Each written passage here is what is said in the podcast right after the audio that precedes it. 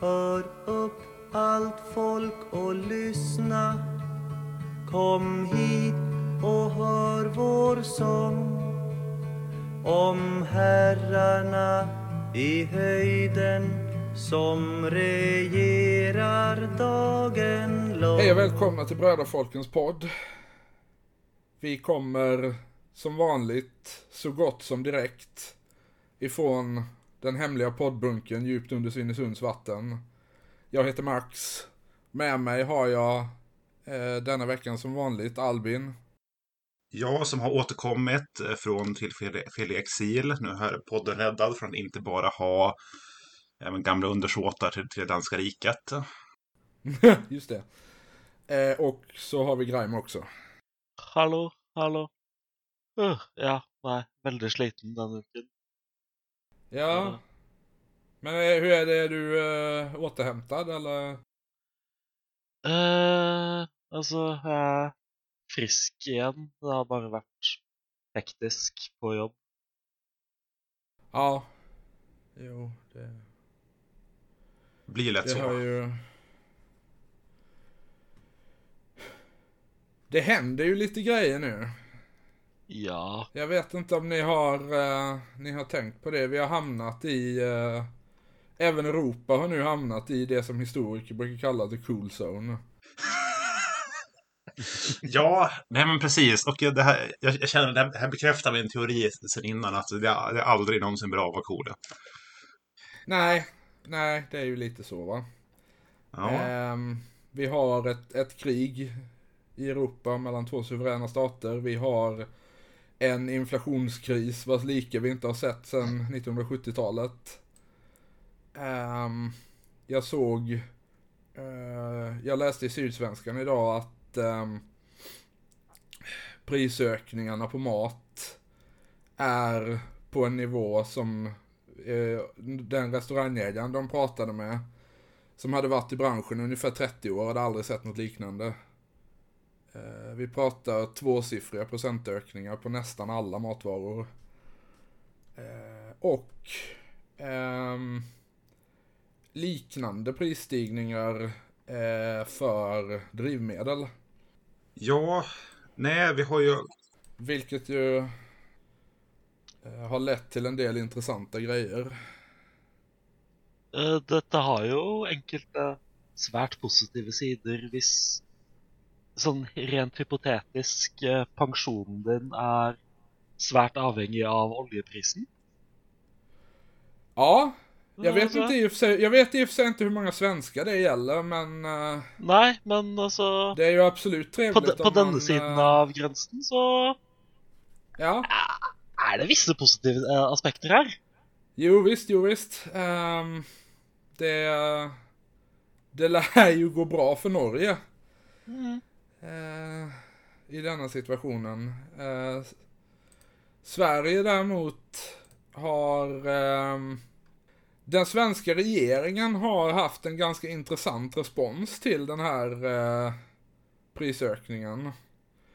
Nämligen att de har gått ut och sagt att dels så kommer man att införa någon form av riktade åtgärder så att eh, själva bensinpriset ska sjunka. Jag vet inte om det bara är att man sänker punktskatten eller om det är något mer komplicerat än så. Eh, jag är inte bilägare så jag håller inte så noga koll på det där. Eh, och sen, vilket är väldigt intressant tycker jag, har man också sagt att ehm, man, ska in, man ska ge alla bilägande hushåll i Sverige en engångsbetalning på 1000 kronor. Ja, jag känner att jag har, jag har gjort bort mig med att inte ha, ha en sån här skrotbil stående på... Ja, jag, har, jag har, nu har jag ingenstans att ställa den, men någonstans hade jag kunnat hitta Du, du känner att du har svikit ditt norrländska arv? Jag känner mest att jag har gått miste om tusen spänn. Det är väl det... det är väl där skon klämmer. Ja. Ja. Jo, nej. Um, och det är ju intressant det där med att man... För vi, vi hade ju Anton här, häromveckan, veckan och då pratade ju han om att eh, eftersom den, den svenska staten liksom har eh, automatiska kontrollfunktioner, sånt som liksom sociala försäkringar och så, som ser till att när ekonomin går dåligt så pumpar staten automatiskt in pengar i den, så man behöver inte hålla på med den formen av riktade bidrag som de har i till exempel USA. Men eh, det visar ju sig nu då att drygt en vecka efter att vi hade honom här eh, så fick han fel. På just den specifika punkten. Ja, nej, det har ju... Det har ju, de senaste åren har ju... Har, har, nu är ju inte jag ekonom på något sätt, men jag tänker det måste, måste vara en spännande tid för nationalekonomer. Ja, det får man väl ändå skriva under på.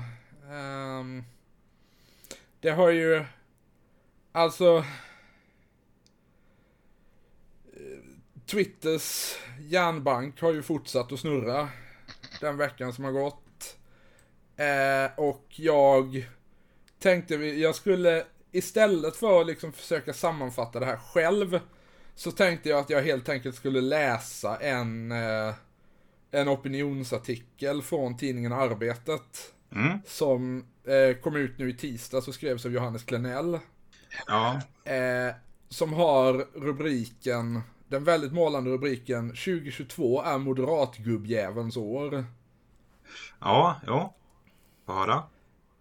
Ja, han börjar med att äh, gå in på en, en, en annan figur som äh, jag tycker vi kan, äh, vi kan grotta ner oss lite i innan vi läser resten av den här artikeln. Vi kan börja med att läsa här. författaren Lars Wilderäng, till vardags hjärnan bakom romaner med namn som Drönarhjärta, är en av alla som känt sig kallade till tangentbordet nu när kriget är här.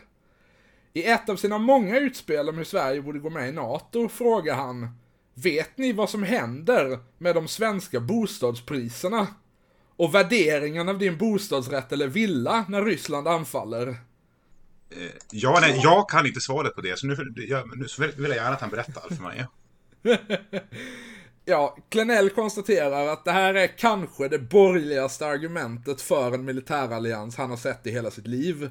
Och jag kan inte annat än hålla med.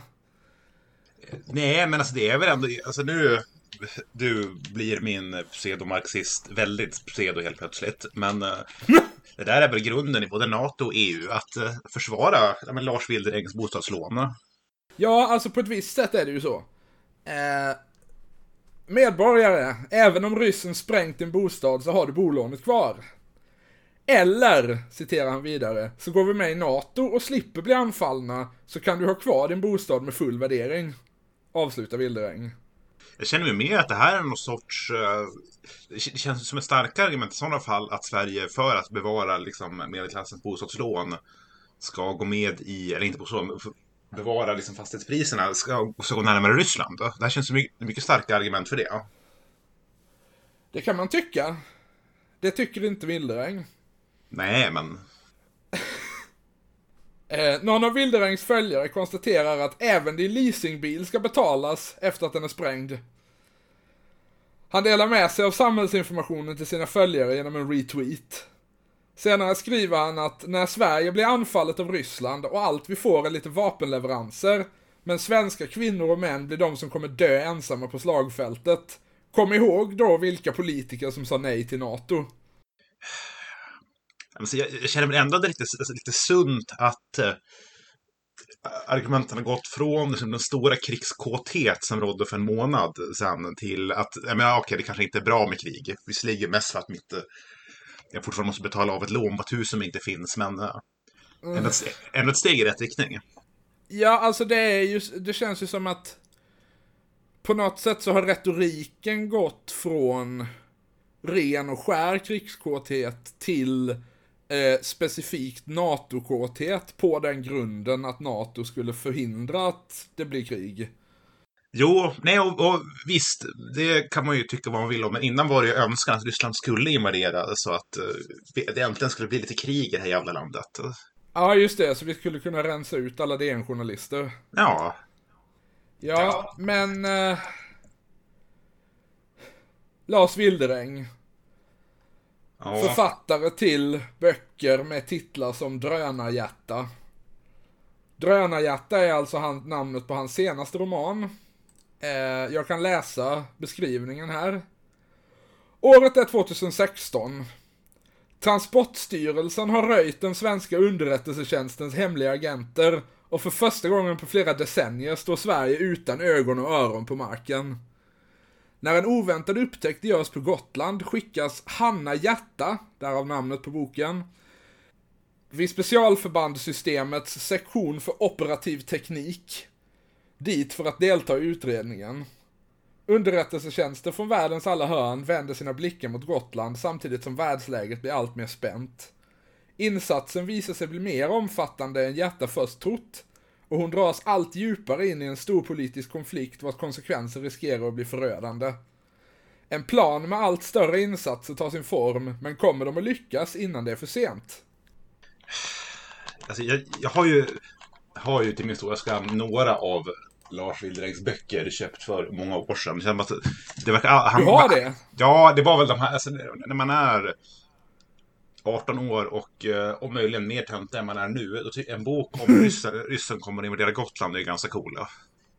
Ja, alltså man kan ju säga att Wilderängs författarskap är ju lite byggt kring eh, det här som du sa tidigare, att det hade ju varit coolt om det kunde bli krig någon gång i det här jävla landet.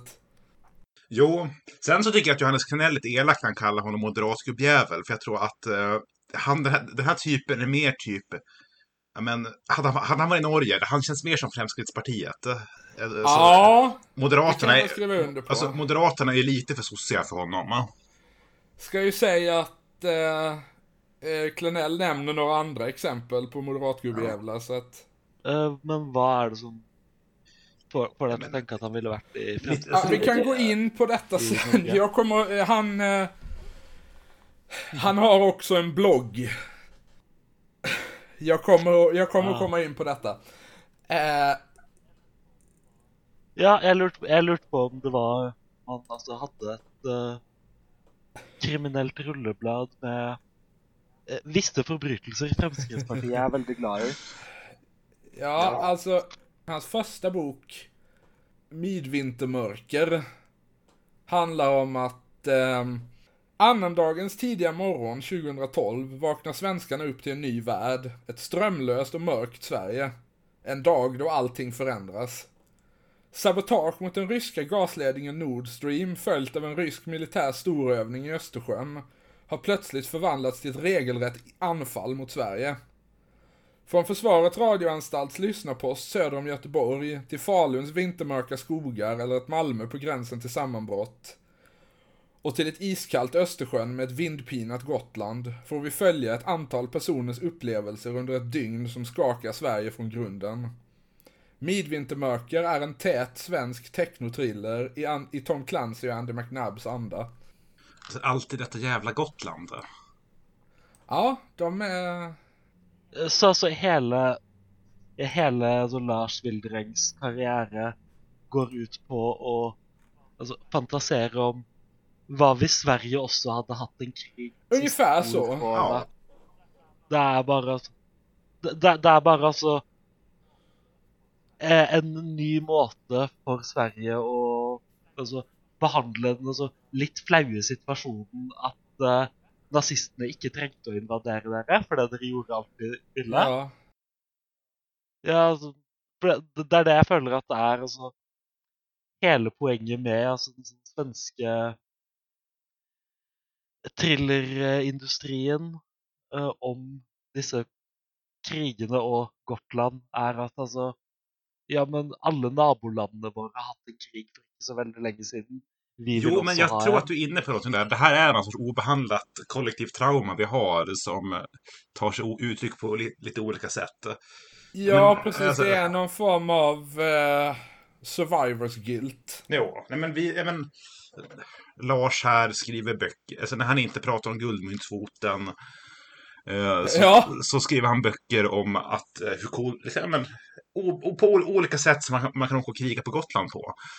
Eh, Carl Bildt twittrar om att Sverige minsann klarar sig bättre ifall tyskarna hade kommit än, än Norge eh, på årsdagen av 9 april. Eh, så det, är- nej, men det, det, är något, det, det är ett speciellt svenskt gubbdrag.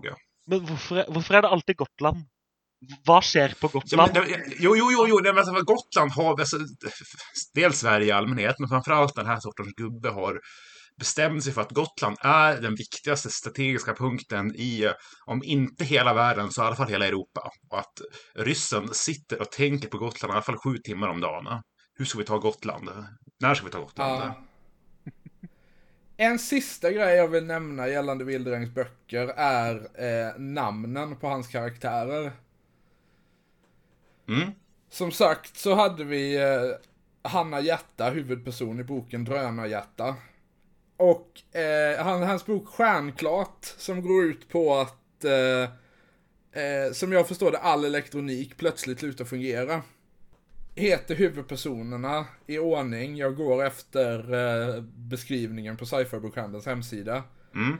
Magnus Svensson, normalt nog, men det, han verkar också vara liksom eh, Villa Svensson, den karaktären. Ja, alltså, det, är för, det, det är ett för, för normalt namn. Det är, det är suspekt Ja. normalt. så. Ja, lite så. Eh, eh, preppen Filip Stenvik. Polisen Peter Ragnhäll. Eh, programmeraren Anna Ljungberg och min absoluta favorit, elitsoldaten Gustav Silverbane. Ja, men det här, det här är grejer jag har, Det här är namn jag hade hittat på om jag hade skrivit någonting när jag var 18. Så det, jag, jag tycker det är skönt att någon får leva ut mina tonårsfantasier. Ja, nej men det är ju... Ja, ja. Ehm, och eh, ska sägas också att det är huvudpersonen i hans eh, näst senaste bok, Redovisningsavdelning Marviken, heter Tor Kexvik. Ja, jag, jag är inne och kollar på det. Den här, det här är ju skrivet. Det här är ju verkligen bait för mig för inte allt för många år sedan. Alternativ historia där Sverige har stormaktstidens gränser. Jag, jag känner exakt likadant. Det här är en fäll, det här är ett hål jag hade kunnat falla i. ja, Om det ja. hade, om det hade, om det hade utvecklats inte så mycket annorlunda. ja eh, Eh, det här är alltså en bok som utspelar sig i, som sagt, ett, ett alternativt universum där stormakt-Sverige fortfarande existerar. Och eh, boken handlar på något vänster om någon, någon hemlig underrättelsetjänst ja. Den, som... det, det tycker jag för alltså, det, det, det är där han tappar mig lite grann. Alltså, man, kan skriva, Ja. man kan skriva en bok där huvudpersonen inte är en liksom, hemlig agent. Det går. Det finns absolut den möjligheten. Ja, och liksom det, ja, det, den enda svensken som har lyckats skriva en sån bra bok, en bra bok om det, det är Jan Guillou. Det, det var ju mest för att han, det handlar ju inte om att han var hemlig agent, det handlar ju om att han var maoist. Ja, just det. Ehm, ja, men det var alltså det om uh, Wilderängs romaner. Han har också en blogg Ja, eh, som, som heter Cornucopia. Med underrubriken Evig tillväxt i en ändlig värld? Frågetecken. Det är ändå någonting man inte hade förväntat sig av honom, att han skulle vara, som var liksom Nej, tillväxtkritisk. man, tror, man förväxlar liksom inte, man, man sammanväxlar liksom inte eh, guldmyntfot prepperhögern och konceptet nedväxt. Nej, det är så lite det som får mig att tro att alltså, han, Nei, eh, jeg ser at han også har altså en sponset eh, del av eh, bloggen hvor han reklamerer for et eh, svensk sällskap som säljer guld och sölv. Jajamän. Han, eh, kategori, artikelkategorierna på denna bloggen står i bokstavsordning, så det finns liksom ingenting, inget sätt att avgöra vilket av detta han tycker är viktigast. Men eh, de är, löper då bostad, coronakrisen, ekonomi, energi, försvar, kultur, politik, prepping, teknik och sen då köpa guld och silver. Eh, som är den här eh, eh, det här är ju ingen bloggkategori utan det är bara en sida som eh, pratar om att, att guld är den bäst, det bästa man kan lägga sina pengar i och eh, står också ganska tydligt som Grime säger att den här artikeln är sponsrad av ett företag som säljer guld. Och det är ju, det är ju på ett sätt eh, hederligt att han säger det ganska så rakt ut. Att han ja, är köpt. ja, och det, han ser nog inget moraliskt fel i det. Och det, det är lite liksom allt Nej, här. nej, nej, säkert inte. Det är liksom lite allt det här som vi har räknat upp som får mig att tro att han hade funnits ett legitimt parti i Sverige som hade varit lite mer kok än Moderaterna, men liksom inte lika med de här läskiga Inte riktigt lika mycket skinhead-vibbar som SD. Ja, då hade han ju varit det. Det är den bilden jag har lite av Fremskrittspartiet. Ja, precis. Ja, eh, Jo. det er mye forskjellig i Fremskrittspartiet. Jeg, jeg vet ikke om noen i Fremskrittspartiet som er veldig opptatt av altså, gullmynter, men eh, jeg, jeg, jeg har ingen problem med å se for meg at det finnes. Ja, nej, det känns ju inte omöjligt som du säger. Nej, alltså, han, han, han hade varit märklig där också, men liksom lite mindre märklig än i uh, de post-Reinfeldtska Moderaterna. Ja, jag vet i och för sig inte om han är moderat tekniskt sett. Nej, det är han nog inte. Det är han nog inte. Möj- möj- Möjligt att han röstar på dem, men Det jag vet är att han tydligen var eh, slöseriombudsman hos Skattebetalarnas förening under år 2016. ja, och det tänker där, då är man ju om inte annat nyttig, nyttig idiot för Moderaterna. Ja, Skattebetalarnas förening, en förening som består av folk som hatar att betala skatt. Ja, Det är lite som om eh, eh, vetenskap och folkbildning hade döpt om sig till kristna föreningen. ja, och det här är ju då... Eller i- kyrkoskattebetalarnas förening. Ja, och nu ser jag här grundat av Marcus Wallenberg, eh, Sveriges då, jag tror, Mm. rikaste man. Och det känns li lite liksom on, on, on the nose.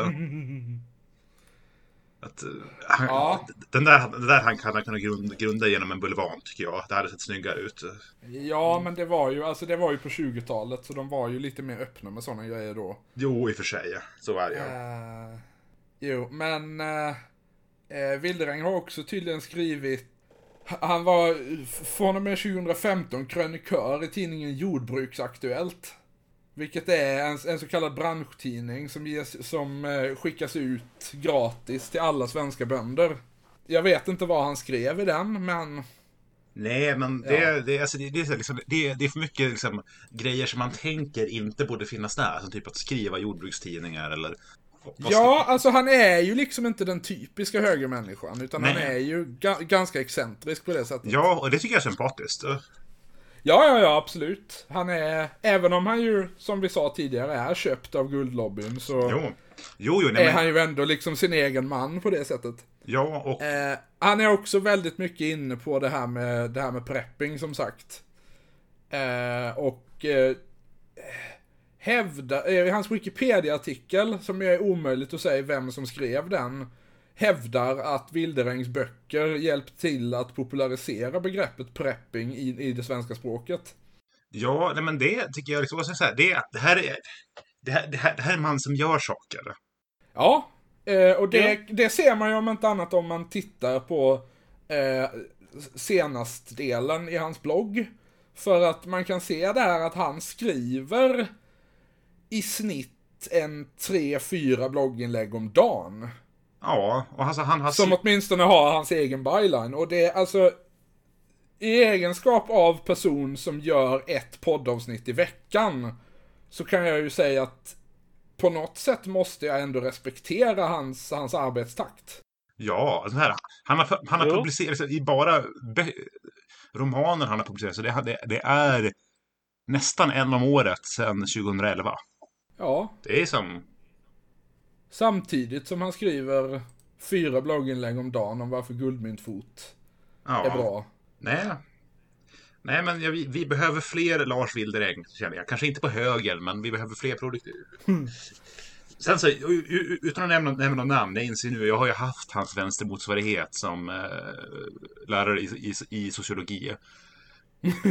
eh, det, det är... eh, Det är exakt lika fascinerande som det låter som.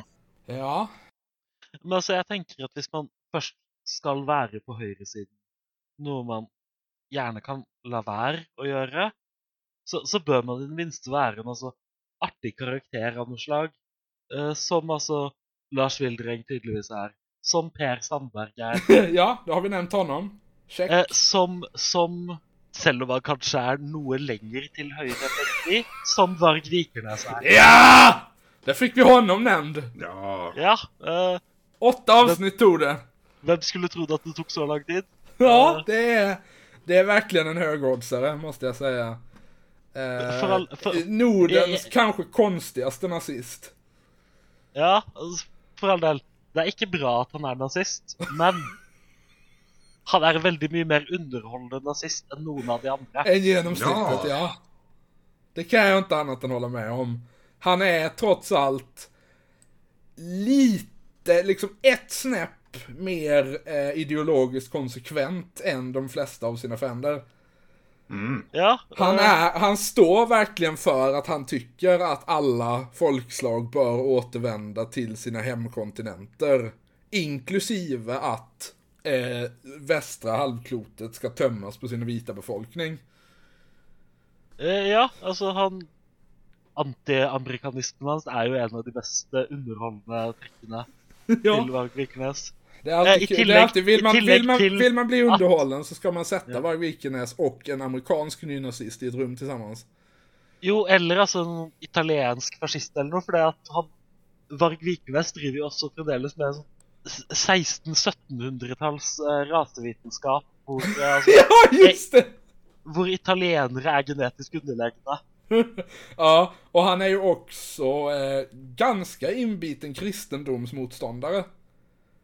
Ja, det Eller er, ganska, det är väl hans huvudgrej nästan. Ja, det finns väl få som liksom har aktivt jobbat så hårt mot kristendomen i för att praktiken. bekämpa men- kristendomen, ja. nei, Mannen, han, är, han har ju trots allt suttit i fängelse för att ha bränt ner kyrkor. ja, eh, blant Och, annet och, och dödat sin bandkamrat. Så Ja, vi kanske det- ska, eh, ja, även liksom den eh, ironiska, eh, det, det ironiska bostandet kanske ska eh, ha en liten asterisk där. Jo, nej, han, Eh, han, ja. han är ju dömd mördare och eh, liksom pyromana. Det är... Ja, och eh, inte minst rollspelskonstruktör. Jo, nej, det- alltså bara det. Jag är egentligen emot dödsstraff, men alltså, vi, vi har ju alla undantag. Ja, men altså, jeg syns det er veldig gøy hver gang altså eh, rollespill-Twitter eh, oppdager en, eh, noe Varg Vikernes har skrevet, og eh, fors man forsøker altså cancele eh, skaperen av Myfarog, som da er ja. rollespillet hans. Mythic Fantasy Role Playing Game. För er, Ja. som, eh, er som håller koll där hemma. Og, og jeg må si at altså Rollespillet hans er ja, veldig rasistisk, men det er kanskje ikke der jeg ville begynt hvis jeg skulle altså eh, kritisere Varg Viknes sitt uh, verdensbilde. Ja. um, det är ju också som jag förstår det, det här rollspelet inte bara djupt rasistiskt liksom. Det, det står inskrivet i spelreglerna att är du det som i den här spelvärlden motsvarar typ sydeuropé så har du eh, färre karaktärspoäng och så vidare. Alltså de är eh, alla grupp, folkgrupper som inte är liksom nordiska nordiska hedningar är eh, uttryckt sämre än resten. Eh, Eh, ja. Eh, och, utan det är också... re re regelsettet sier også spesifikt at eh, spillet ikke er designet med tanke på at du skal kunne spille som disse andre rasene. Det er kun eh, balansert for å kunne spille som eh, de er sånn nordisk baserte, altså sånn alveaktige skapningene. Jajamän. Eh, utan... det, det, det er strengt forbudt å være italiener. i Bifrost. Eh, och det är, det är dessutom så att det här spelet är väldigt, väldigt mycket så 80-tals överkomplicerat. Att du har typ fem sidor regeltabeller och uträkningar för precis allting du gör. Det eh, høres ut som det kan stemme. Eh, Å nei, det her kommer til å ende opp med at jeg må lære meg reglene.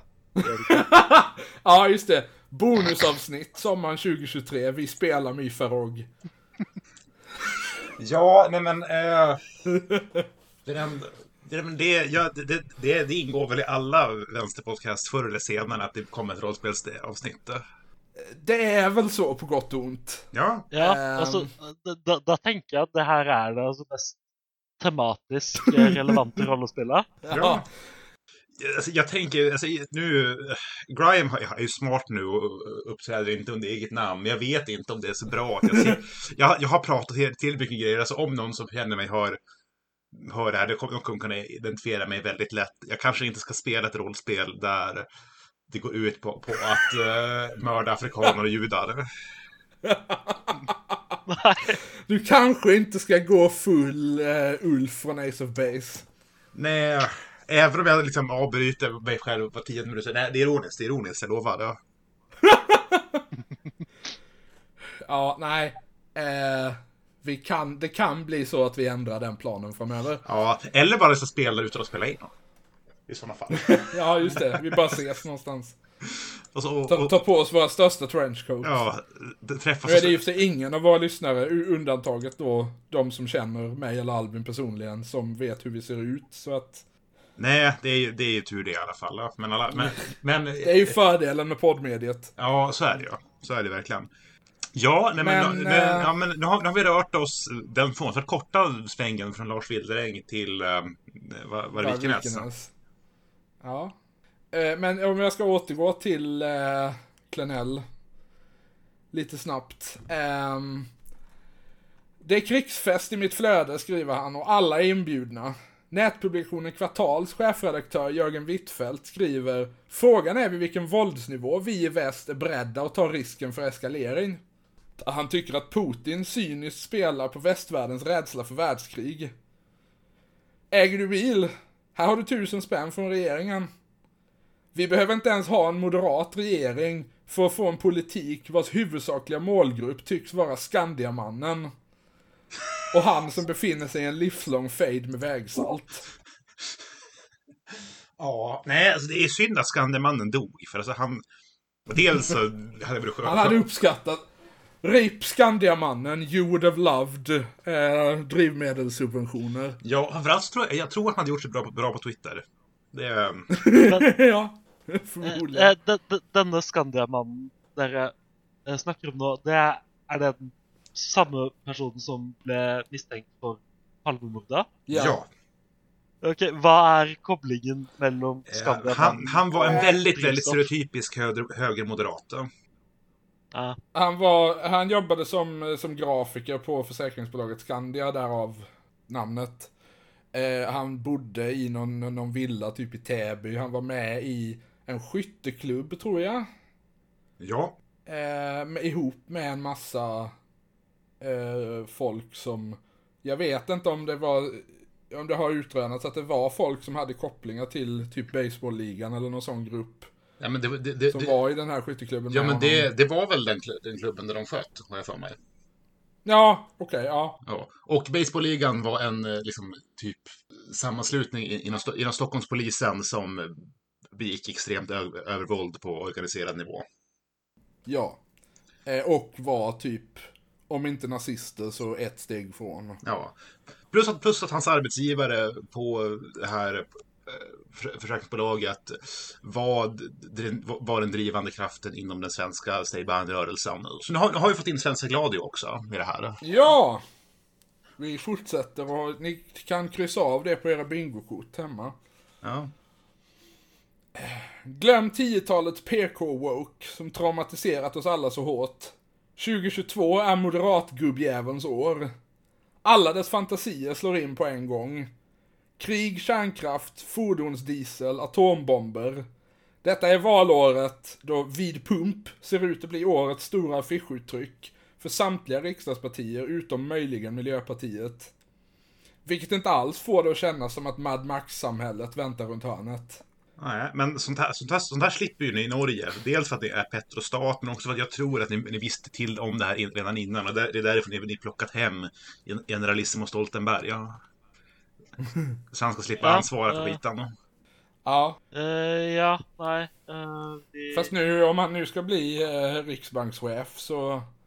Så vill han ta något alltså ansvar för inflation och sånt. Ja. Men... Så han kommer inte få en riktigt helt. Jeg tror ikke Norge gjør noe med drivstoffpriser enda. Uh, Nei. Det, det, hjelper jo litt at uh, det nesten ikke selges bensinbiler i Norge lenger. Nej, alltså jag skulle tro att anledningen till att det här liksom har blivit Anledningen till att regeringen liksom har så full panik nu om de här grejerna är ju att eh, det är valår. Ja, Ganska det, rätt det er och også en faktor. Norge har ju redan, har ju redan klarat av sitt val.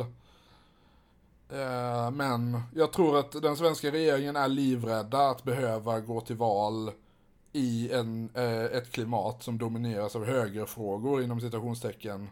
Mm. Alltså typ eh, bilägarfrågor, invandring, ekonomisk politik. Eller liksom inflationskontroll specifikt. Ja, ja.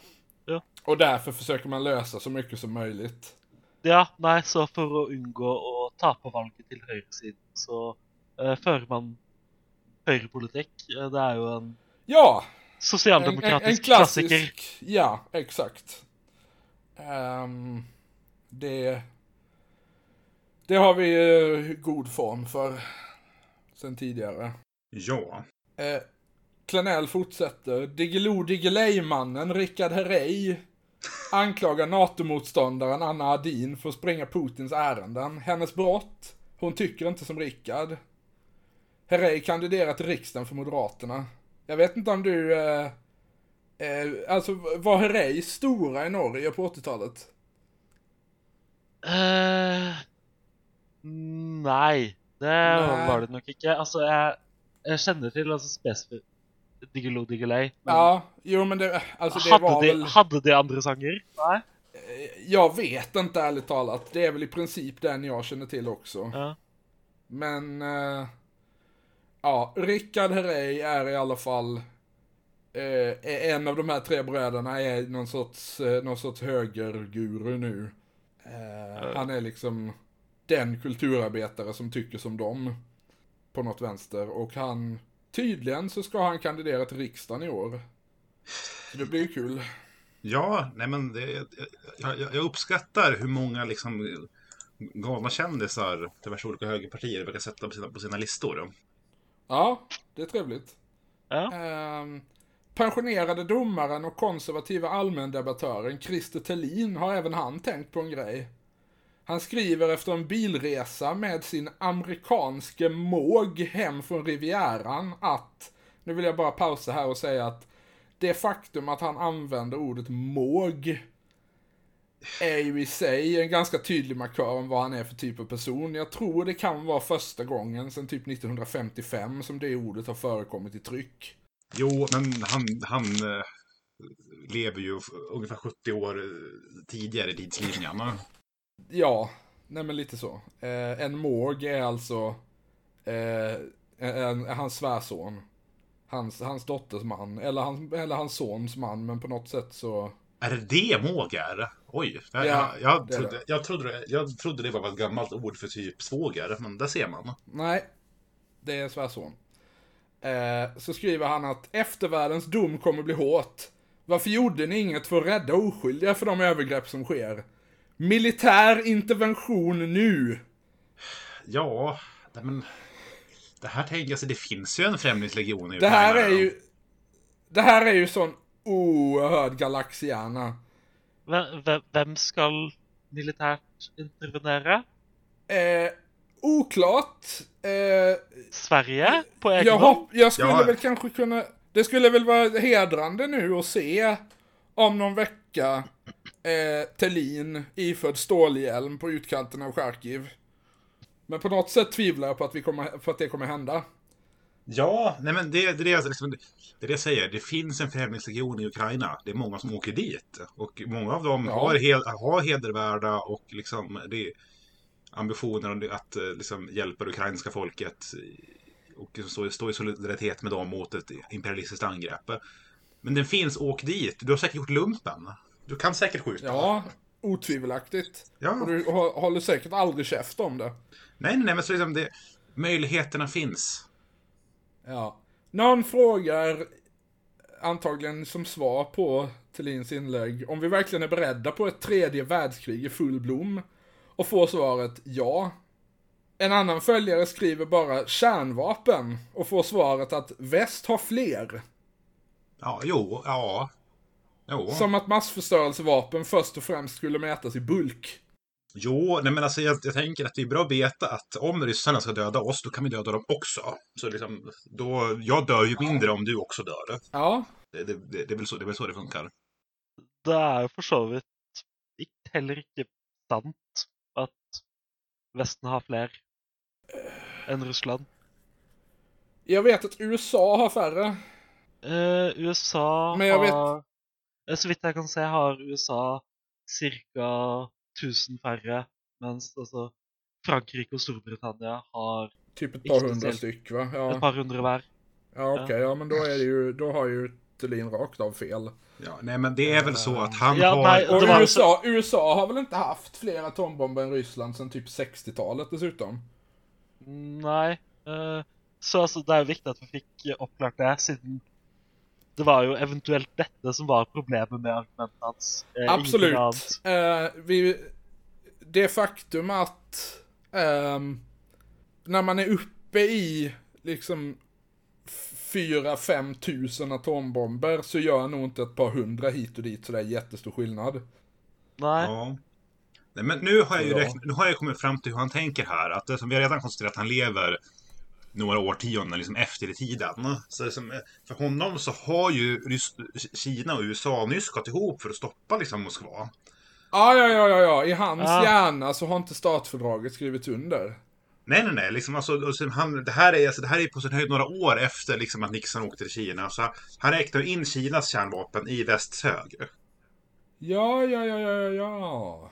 Ja, Ja, ja, men ja. då har vi löst det. Ja.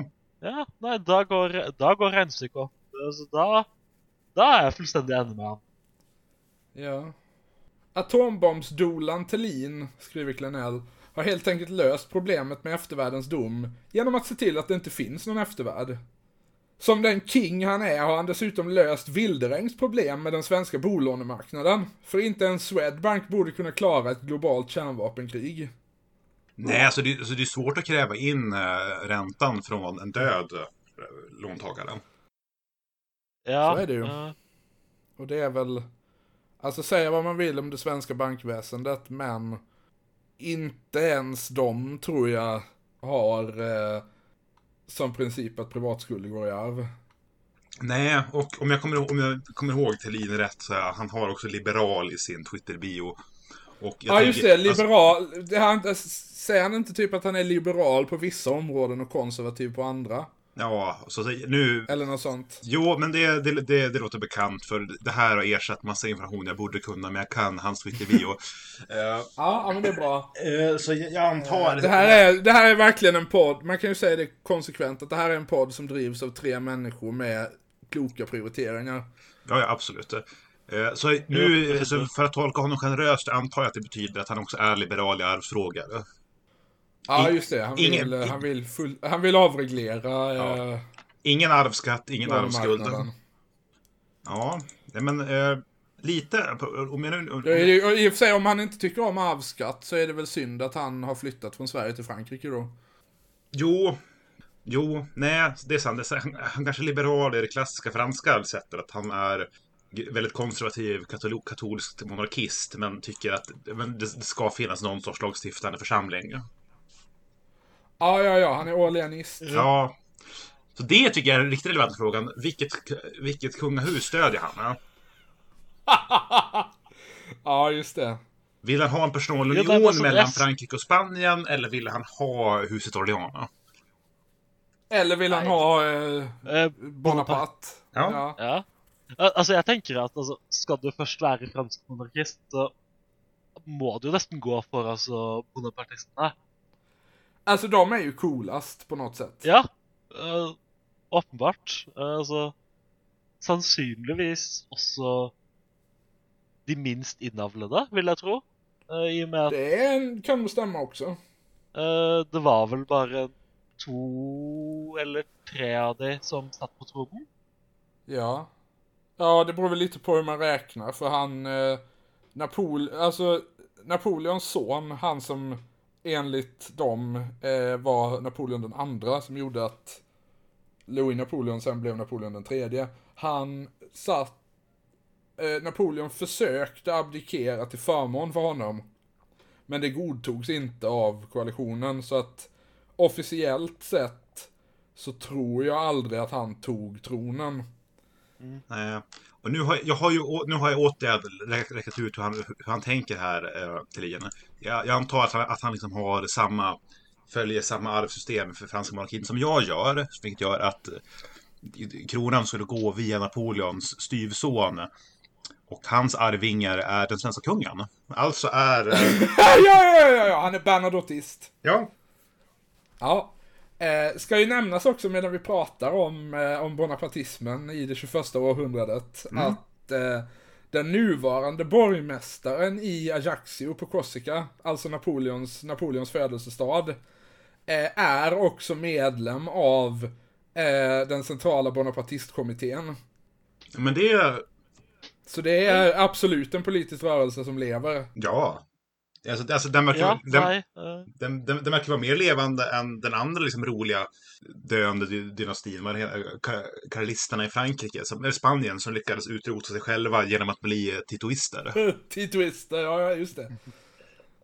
Ja det är ju en, en historia för ett helt poddavsnitt egentligen. Ja, Hur egentligen. de- Hur de gick från ultrakonservativa katoliker som eh, slogs med Franco till eh, titoister på typ 20 år. Ja, och nu kommer, okej, ja, ja, jag, kan, jag kan inte hålla med. Nu, nu, nu, nu får ni... Nu, nu kommer nu, det! får ni, nu, nu, får ni, nu får ni min enda bra anekdot om span- spansk politik. Att eh, Karlistpartiet är tekniskt sett en medlem av den nu, nuvarande spanska vänsterregeringen. Jaha, gick de upp i Podemos? Eh, nej, utan de var en av grundarna i eh, det förenade vänstern, alltså kommunistpartiet Jaha! från typ 70 80-talet.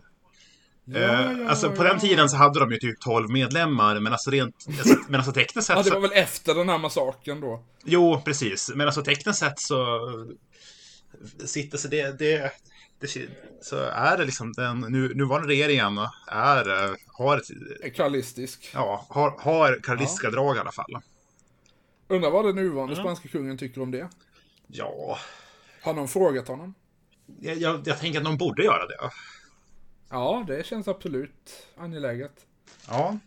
Eh, Men nu kanske för att komma tillbaka lite grann till vår del av kontinenten i alla fall. Eh, Ja, det här är Om- trots allt ändå en nordisk podd. ja, eh, om inte du hade någonting mer från den här Klenell-krönikan så har jag en annan. Eh, nej, jag tror att det var, det var det i princip. Ja, då har jag en lite kortare grej om en annan moderatgubbe. Och den här vet vi är moderat på riktigt.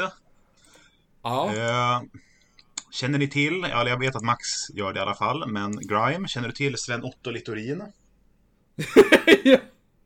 eh, jeg tror jeg har hørt navnet før. Ja, det, det, det är så här, det, otroligt intresserande människa egentligen, men det var ganska högtstående moderat. man kan ju säga att na- hans namn är typ en av de mest intressanta grejerna med honom. Jo, jo, fram till typ den här veckan. Ja, Men, ja, men han var ganska... Gjorde karriär inom Moderaterna. Eh, Fick avgå efter typ en vecka som minister. ja, nej, nej, han var, han var arbetsmarknadsminister under nästan hela Reinfeldts första mandatperiod. Eh, Jaså, vad- eh, hade, var, var eh, hade gans- ganska högst uppsatta eh, poster inom partiet, men tvingades avgå efter det kom fram att han var torsk. Alltså, Ja! Ja, det var, det tog ett tag. Ja, han var inte en av dem som var tvungna att avgå typ direkt. Eh, Nej, det här var inte en av tv-licensfuskarna. Eh, Nej, Vilket är mycket Det var mer... jag som inte kom ihåg rätt då. Nej, så det, det ska vi inte. Men liksom, alltså, alltså, förutom då att han köper sex, eh, kom på ett tag med att köpa sex, ganska genomsnittlig moderat. Eh, har nu sutt- suttit i lite olika bo, bolagsstyrelser sedan dess. Naturligtvis. Eh. Han har också tydligen varit eh, eh, visiting scholar på Stanford University. Ja, nej men så här. eh, I juni 2012 gav stor uppmärksamhet till det faktum att Littorin valts in i styrelsen till prospekt prospekteringsbolaget Viking Mineral, vars majoritetsägare Patrik Brinkman hade tydliga kopplingar till extremhögern och anti-islamistiska grupper, bland annat som finansiär och nätverksbyggare, och till partier som det tyska nationaldemokratiska partiet. Ja, och det är lite här vi kommer in på det jag tänkte prata om. Spännande dagar. Ja. Eh, det är lite det här hans kopplingar till olika eh, gruvföretag med eh, vikinganamn. För han, Ja. han, han är också styrelse- styrelseordförande i Beowulf Mining. Ett eh, bolag som håller på att driva den ganska kontroversiella gruvan i Kallak utanför Jokkmokk Ja. i eh, norra Sverige. Eh, eller de driver, men de försöker, de försöker få igång gru, gruvbrytning där. Eh, det här har blivit väldigt kontroversiellt lokalt inom miljörörelsen och framförallt bland samer. Och som, Mm. jag, som jag har förstått det här, det här kommer inte vara en gruva som går med vinst särskilt länge. Det här är inget hållbart projekt, men det hör inte hit. Jag, jag, jag är samhällsvetare och ska inte uttala mig. Eh, men eh, det har kommit fram här i, i eh, nyligen så har Aftonbladet avslöjat att Beowulf Mining eh, har lovat ganska, väldigt höga skatteintäkter till Jokkmokks kommun. Väldigt liten, väldigt fattig kommun, väldigt eh, gammal befolkning. Men de har, inte finans, de har inte pengarna för att dra igång den här gruvan egentligen. Eh, Det, är- det, det, det är ett luftslott. Och då har eh, ordförande... Härligt. Och då har ordförande Littorin här eh, kommit med motdraget. Att fråga, men varför berättar inte Aftonbladet att journalisten som avslöjar det här, hon är ju samisk? Varför står inte det i artikeln? Vet du vad detta påminde mig om? Direkt när jag fick höra att det här hade hänt. Nej, bara. Eh, jag vet inte om ni, om jag säger namnet Gonzalo Curiel, Nej, det säger inte mig någonting. säger det någonting? Nej, det var en, den här... Nei, eh, eh, det, det, eneste, det jeg tenker på jeg hører Gonzalo, er eh, eh, Ja, ordförande. Jaha, nej inte ordförande Gonzalo Ja. tyvärr. Han heter ju inte det på riktigt. Nei, Eh, nej, nej. Utan det här var en, en domare i USA. Eh, med, med något, Ja. något mexikanskt påbrå någonstans tror jag. Som, eh, som kritiserade Donald Trump. Och som Donald Ja. Trump under typ två dagar under sin valkampanj 2016 var fullständigt besatt av. Ja, nå når du forteller hele historien, så husker jeg det. Eh, jag, jag, jag känner att det är lite samma vibb här. Ja. eh, Ja, jo, nej, men alltså, jag tänkte... at altså, man har en Den, den, eh, den stora skillnaden är väl då att eh, dels att ja, nu, nu kanske jag ger Sven Otto Littorin för mycket cred, men det känns som att han borde inte vara lika känslodriven som eh, eh, the once and future president. Ja. Nej, det... Nei, det, det er det Det bør vel de å Man kan ju hoppas det i alla fall. Samtidigt tror jag att det, det kan nog vara så att det finns fler som är som han än vad de själva vill erkänna. Ja, nej men... Så, jo, precis. För nu har, nu har han suttit, ner och skrivit ett mejl, det här, alltså ett officiellt mejl till Aftonbladet i sin roll som ordförande för skruvbolag. Och jag citerar. Ni har glömt upplysa läsarna om att reporterns samiska... Ni har glömt upplysa läkarna om reporterns samiska bakgrund som naturligtvis hade varit en intressant information för läsarna. Ja, ja, ja. Och dels så, är, så, så, dels så öppnar den här frågan Bara att liksom som ren, som ren kuriosa. Jo, dels så öppnar den här frågan, är, är samer mindre objektiva? Borde media skriva ut liksom alla journalisters liksom, etniska tillhörigheter? Eh, vilket sig- jag tycker ur ren kuriosa hade varit jättespännande, men jag, jag ser... Jag, Det jag, kan ju ha, man, man kan ju se vissa nackdelar. Jo, jag kan se, jag kan, jag kan se vissa Ja. liksom att... Ja, kanske inte. Eh, Det kan gå i baklås det här. men det riktigt spännande här är ju att eh, journalisten inte är samisk. Har inget samiskt påbrå. Nähä, Det här är någonting han har fått för sig. Nei, det jo en interessant greie. eh, okej. Utan hon är... Var, var fick han det från? Det är väldigt oklart. Ehm, men däremot har hon, nu tappar jag namnet här, vilket är lite synd. Eh, ja, Frida Sundqvist heter hon. Så heter hon. Jo- journalist med rötter i Tornedalen. Uh, Tornedalsfinsk bakgrund, säger hon. Aha, det är det gamla klassiska Ah. att, eh, att folk inte vet skillnaden Nej, och... mellan eh, samer och finnar och tornedalingar. Och... Jo, eh, och, he- hennes, och så hon blev informerad om sin, ja, men, sin samiska identitet ja, men, ungefär i eh, eh, förrgår, eller igår, nu, eller när, nu när det här publicerades. Jajamän. Um, det är ju, alltså det här med att, att, att samer inte kan vara objektiva.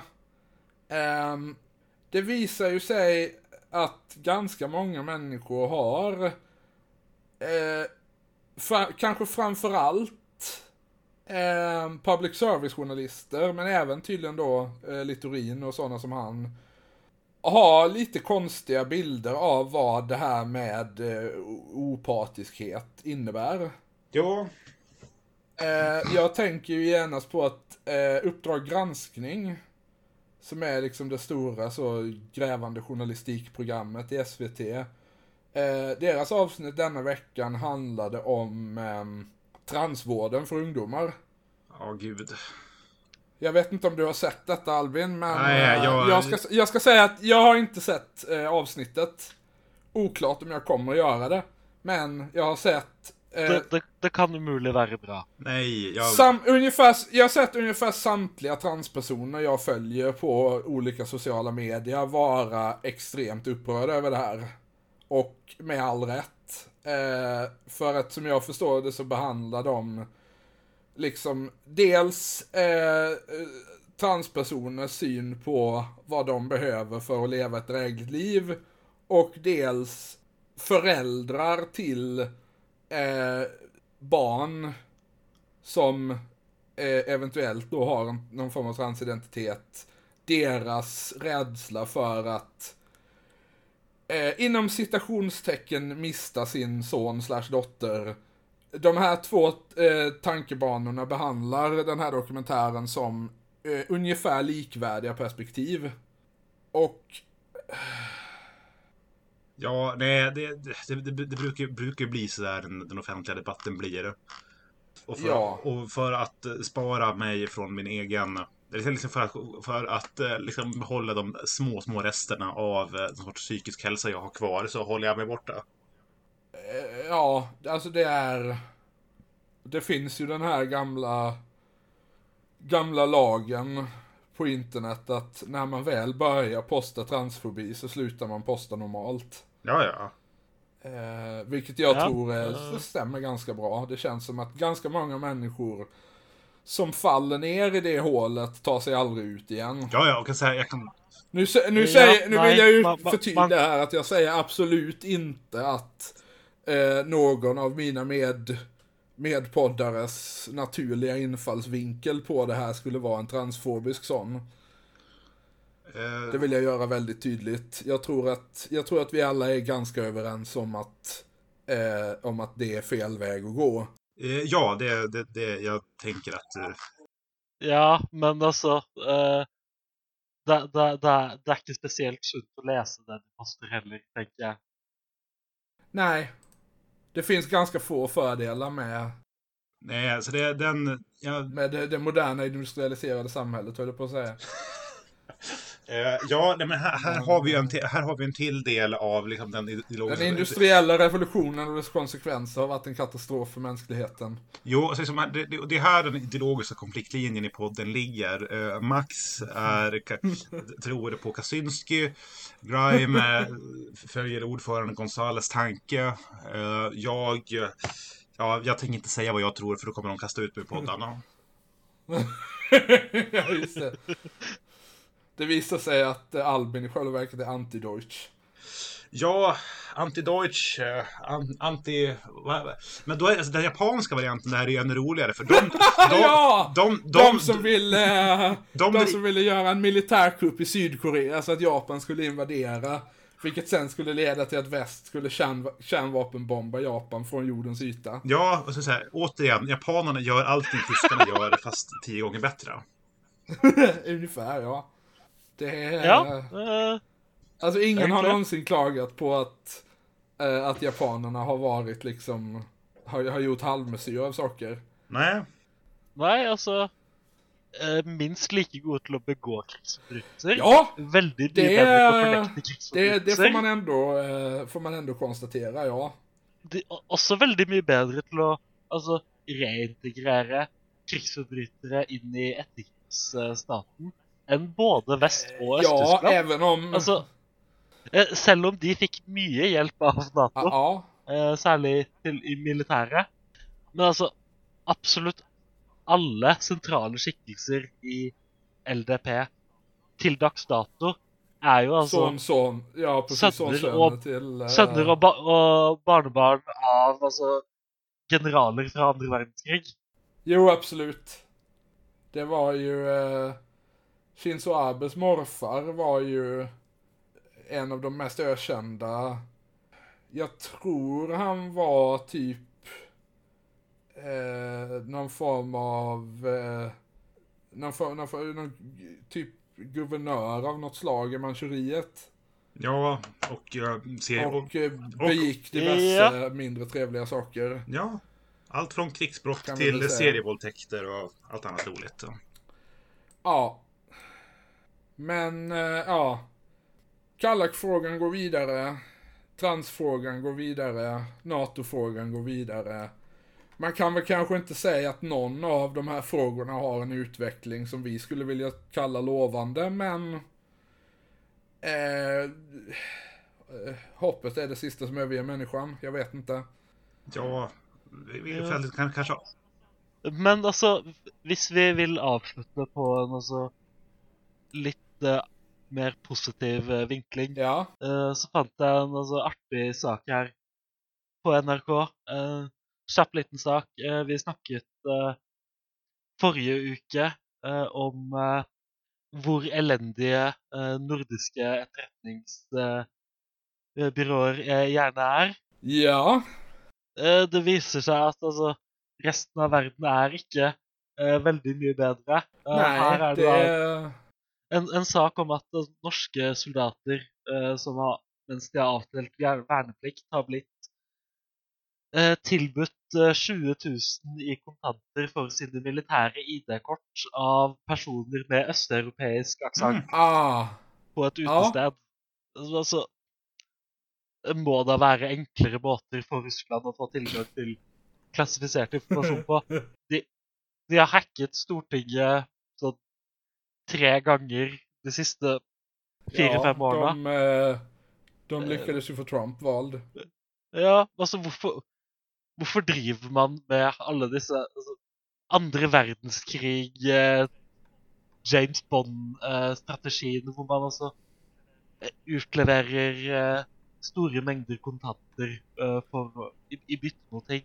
Hvorfor gjør man ikke alt av etterretningsarbeid digitalt? Ja, ibland undrar man. Verkligen. Det är unika och storslagna hjärnor. Ja. Eh, og de har tydeligvis alle eh, pengesekker som de flytter rundt fra land til land.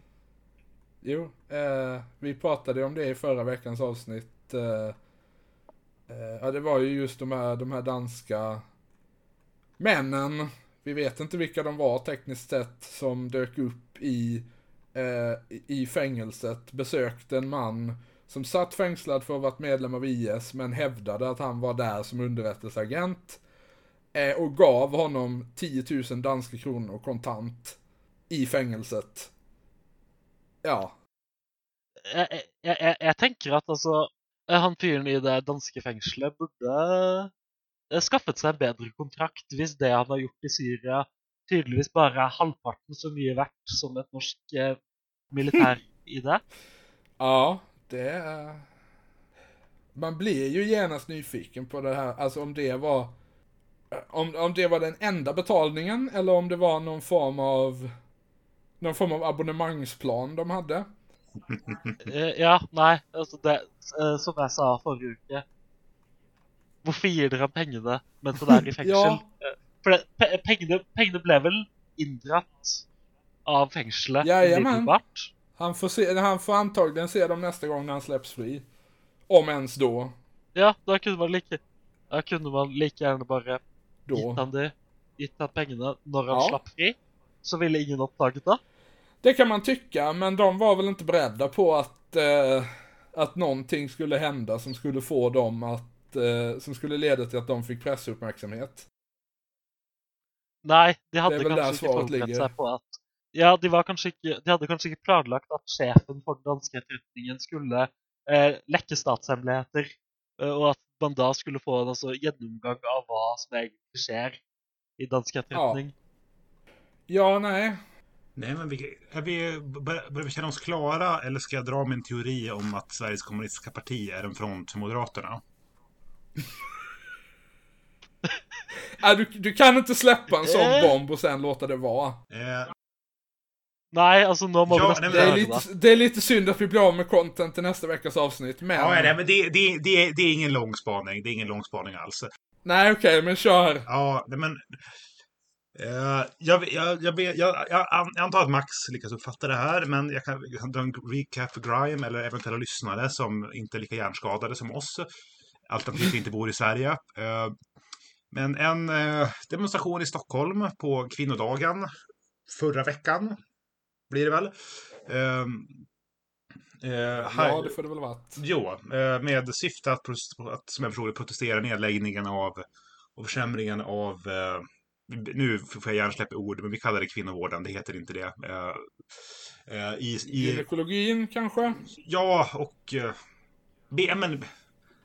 Åh, gud. Ja, Ja, vi, ja eh, det, det, det, här, det, här, det här är tre män som gör en podd. Vi behöver inte kunna de här orden. Ja, vi, eh, våra, våra lyssnare vet, att, vet vad det här är för någon eh, typ av operation, så bara fortsätt. Ja, eh, eh, demonstrera mot, mot försämringen i Region Stockholm. Eh, Tåget hijackades av en medlem i eh, den det lilla, lilla partiet Sveriges kommunistiska parti, en utbrytargrupp. Är ju att förväxla med kommunistiska partiet. Ja, den, det, det är marginellt Som vi pratade om i ett tidigare avsnitt. ja, det är marginellt mer relevanta kommunistiska partiet. Eh, Sveriges kommunistiska parti, eller SKP, är en utbrytargrupp från då gamla Vänsterpartiet kommunisterna som tyckte att Brezjnevs Sovjetunionen var höj, en höjden av mänsklig utveckling. Det, det blev aldrig bättre än så. Eh, framförallt sta, starkt i eh, Malmfälten. Eh, men, Ja. men, och som ett parti som har hela sin identitet, Sovjet var bra.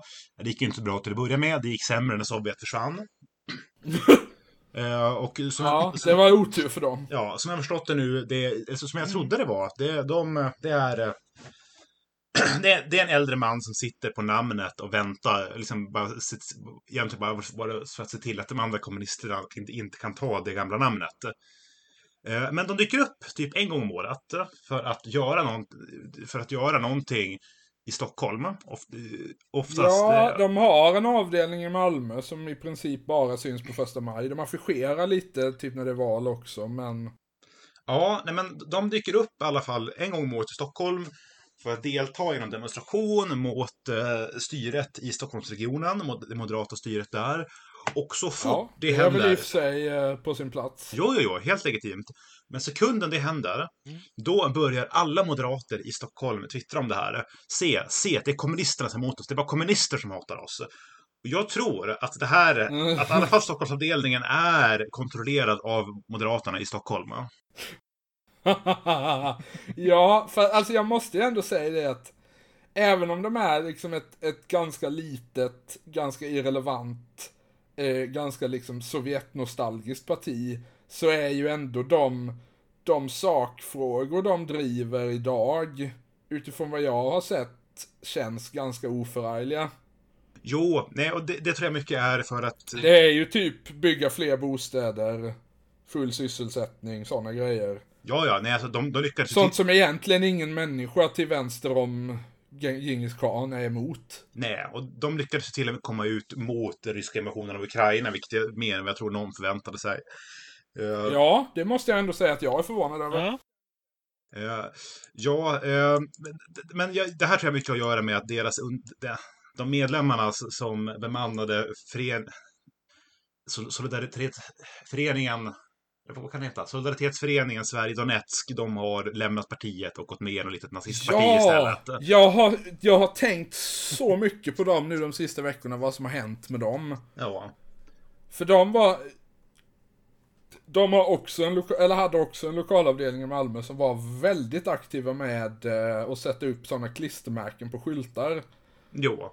Eh, och en, De var precis, precis hela Värnhemstorget var fulla med sådana typ 2016, 17 Ja, och, och tydligen så är det via de här klister, klistermärkena som man har kunnat spåra att medlemmarna har lämnat SKP och gått med i med någon av de här vänsternationalistiska minipartierna som vi pratade om tidigare. Det, det här har kartlagts. Det här, det här har kartlagts av en mycket bättre vänsterpodd än den vi håller på med. Så, ja, men så du vet, så de som inte blev stratis, strassister, eh, de jag, vet jag betalas av Moderaterna. Jag har inget bevis, men jag vet det i mitt hjärta och min ryggrad. Ja, jag ska ju nämna nu när brunhögen har nämnts också att jag fick eh, precis häromdagen en, ett flygblad om Malmölistan Ja. i min brevlåda. Eh, de har, på framsidan av det här flygbladet så står det två stycken rubriker. Den ena är Inför frukost i skolan. Mm. Och den andra är Bränner du bilar och åker du ut. Ja. Jag tror väl att de två punkterna sammanfattar det partiet ganska bra. Ja. Jag, jag, Någonstans. jag, jag, jag blev mer chockad av att Malmö stad inte redan har frukost i skolan. Jag, jag, jag trodde ni var ett sånt... Det, det, det, det, det, det, trodde jag alla kommuner hade, men nu ser jag bara hur bortskämd jag är. Ja, jag, jag har aldrig, eh, vi hade aldrig det när jag gick i skolan i alla fall. Jag minns inte om vi hade det, men när jag jobbat inom på, på skolor så hade... Alltså, kommunala skolor så var det en Ja, grej. okej, ja. Ja, nej men då... ja det, det har jag aldrig gjort, så att... Nej, nej men då, då, då vet jag väl bara det att det. Utopin på jorden finns och det är Sundsvall.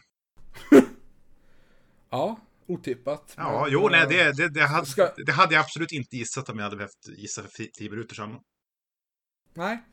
Men eh, ska, ska, nej. vi, eh, ska vi låta det bli vårt slutord Ja, för veckan? Ja, det håller väl då. Ja, du som har lyssnat, har lyssnat på Brödrafolkens podd. Eh, du kan nå oss på Twitter, att Brodrafolkens. Och där kan du också hitta länkar och följa oss individuellt om du vill göra det.